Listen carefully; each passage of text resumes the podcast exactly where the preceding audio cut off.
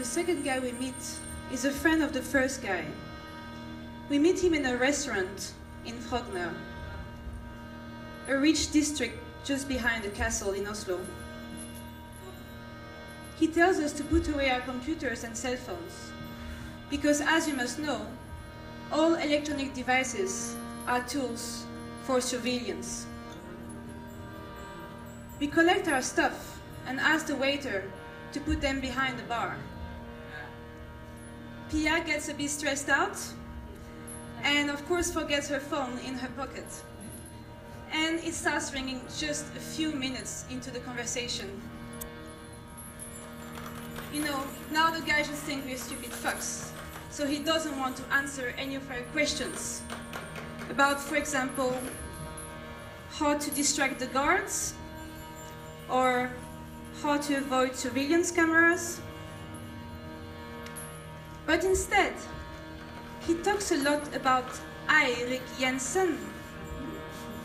For you who don't know, he is a police officer that just two weeks ago got 21 years in jail for corruption and drug trafficking.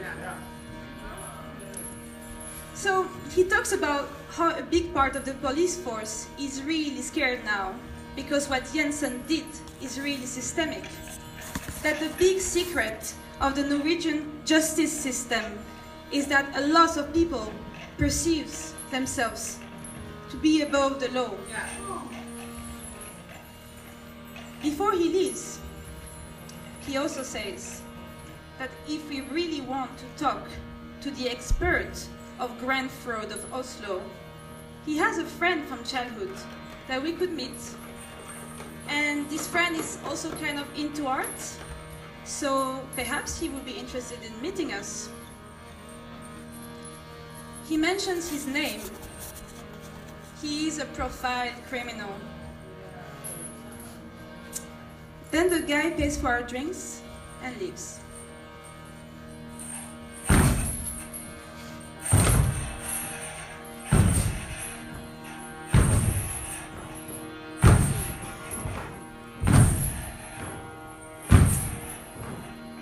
Following days, we have endless meetings in the Carnival Union. Are you crazy? Marius says. This grand fraud guy is heavy into organized crime and violence and shit. If we meet him, it's just a result of sensationalism. Curiosity is not enough.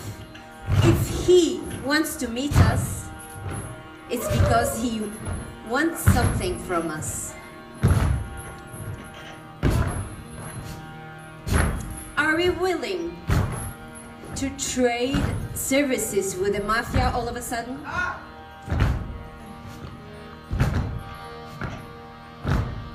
Lisa says that we have to understand that this guy is under constant surveillance from the PST, the, the secret police. And if we hook up with him, we will get a kind of uh, attention that we absolutely don't want. That will jeopardize our work.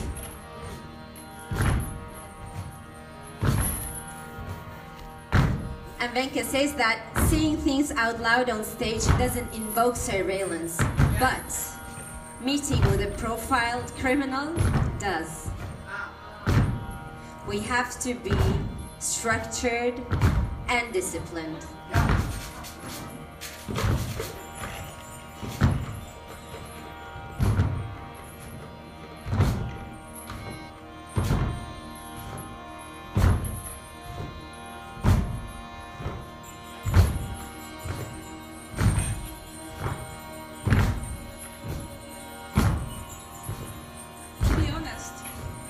Completely disagree. I think if we want to succeed, we want a good advice. So we need to talk to the best person possible. This guy is on the list of the top 10 criminals in Norway, according to the state. And he has never been caught.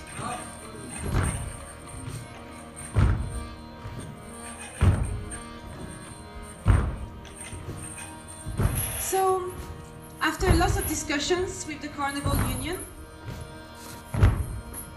we finally decide that Sarah and me can go if we promise to be careful.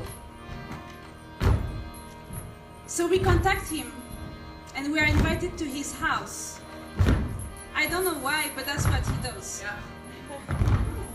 Sarah and me dress up as cleaning ladies with buckets and so on, and we go.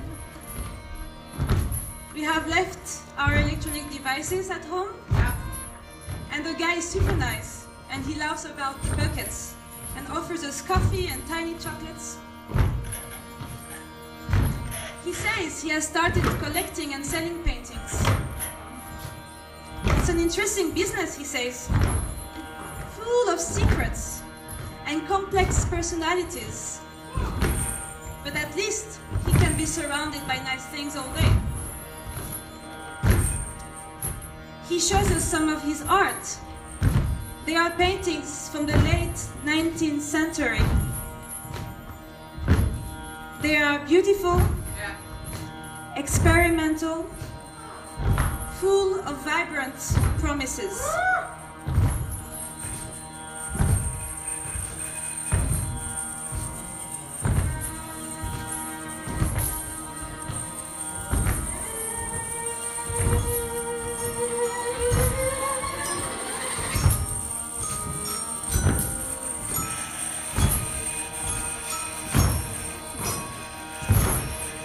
Tell him about Ibsen.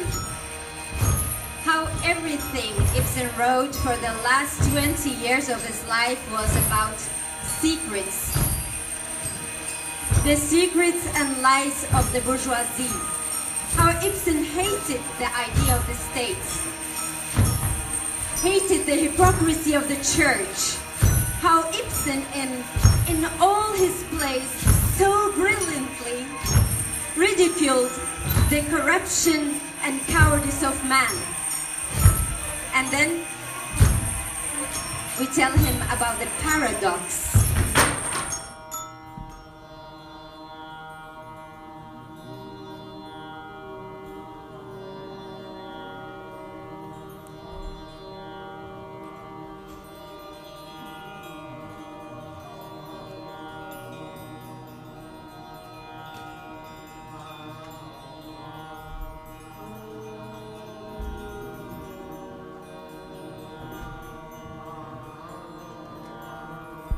Paradox was, we tell this mafia guy, that Ibsen never let this hate influence his personal life. Actually, I just found out how Ibsen himself ended up kneeling to the authorities, kneeling to the king, how he never said no to a ball at the castle, where he went with his chest full of medals, because he could not resist the glory and wonderful warmth from the powers that be. And so we tell him that we can't accept this split between life and art. We cannot accept it, especially here in Norway. Art must have consequences for your fucking life, or we don't want to do this anymore.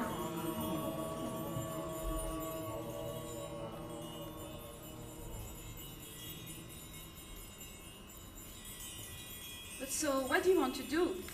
Our guy asks.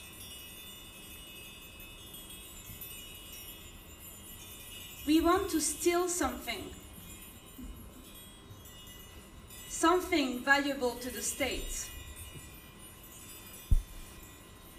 That will be a grand theft of epic proportions, unprecedented in Norwegian theater history.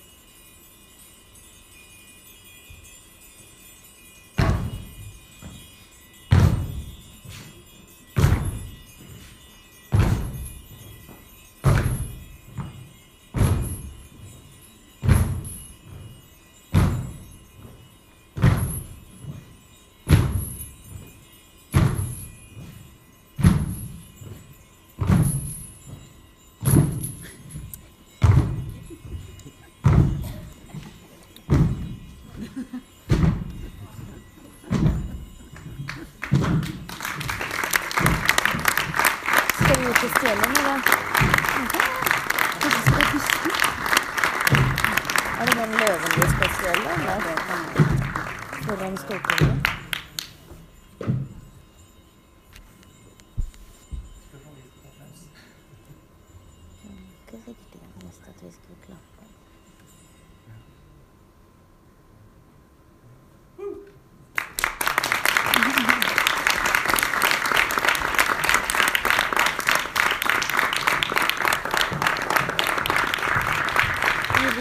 Ikke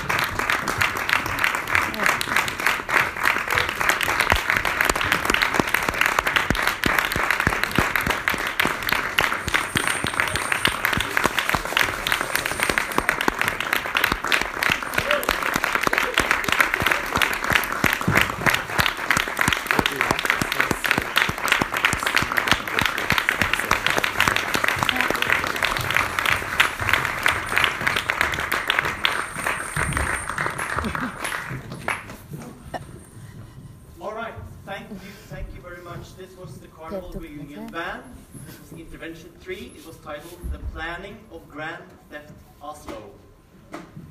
And for those of you who have a watch or have looked at your s- mo- s- mobile phone, you can see that the, the clock is now 5 to 5 and the bus to Oslo departures at 5. So there will unfortunately be no final uh, discussion conversation uh, as planned. Unfortunately, that's how it is. But uh, I want to just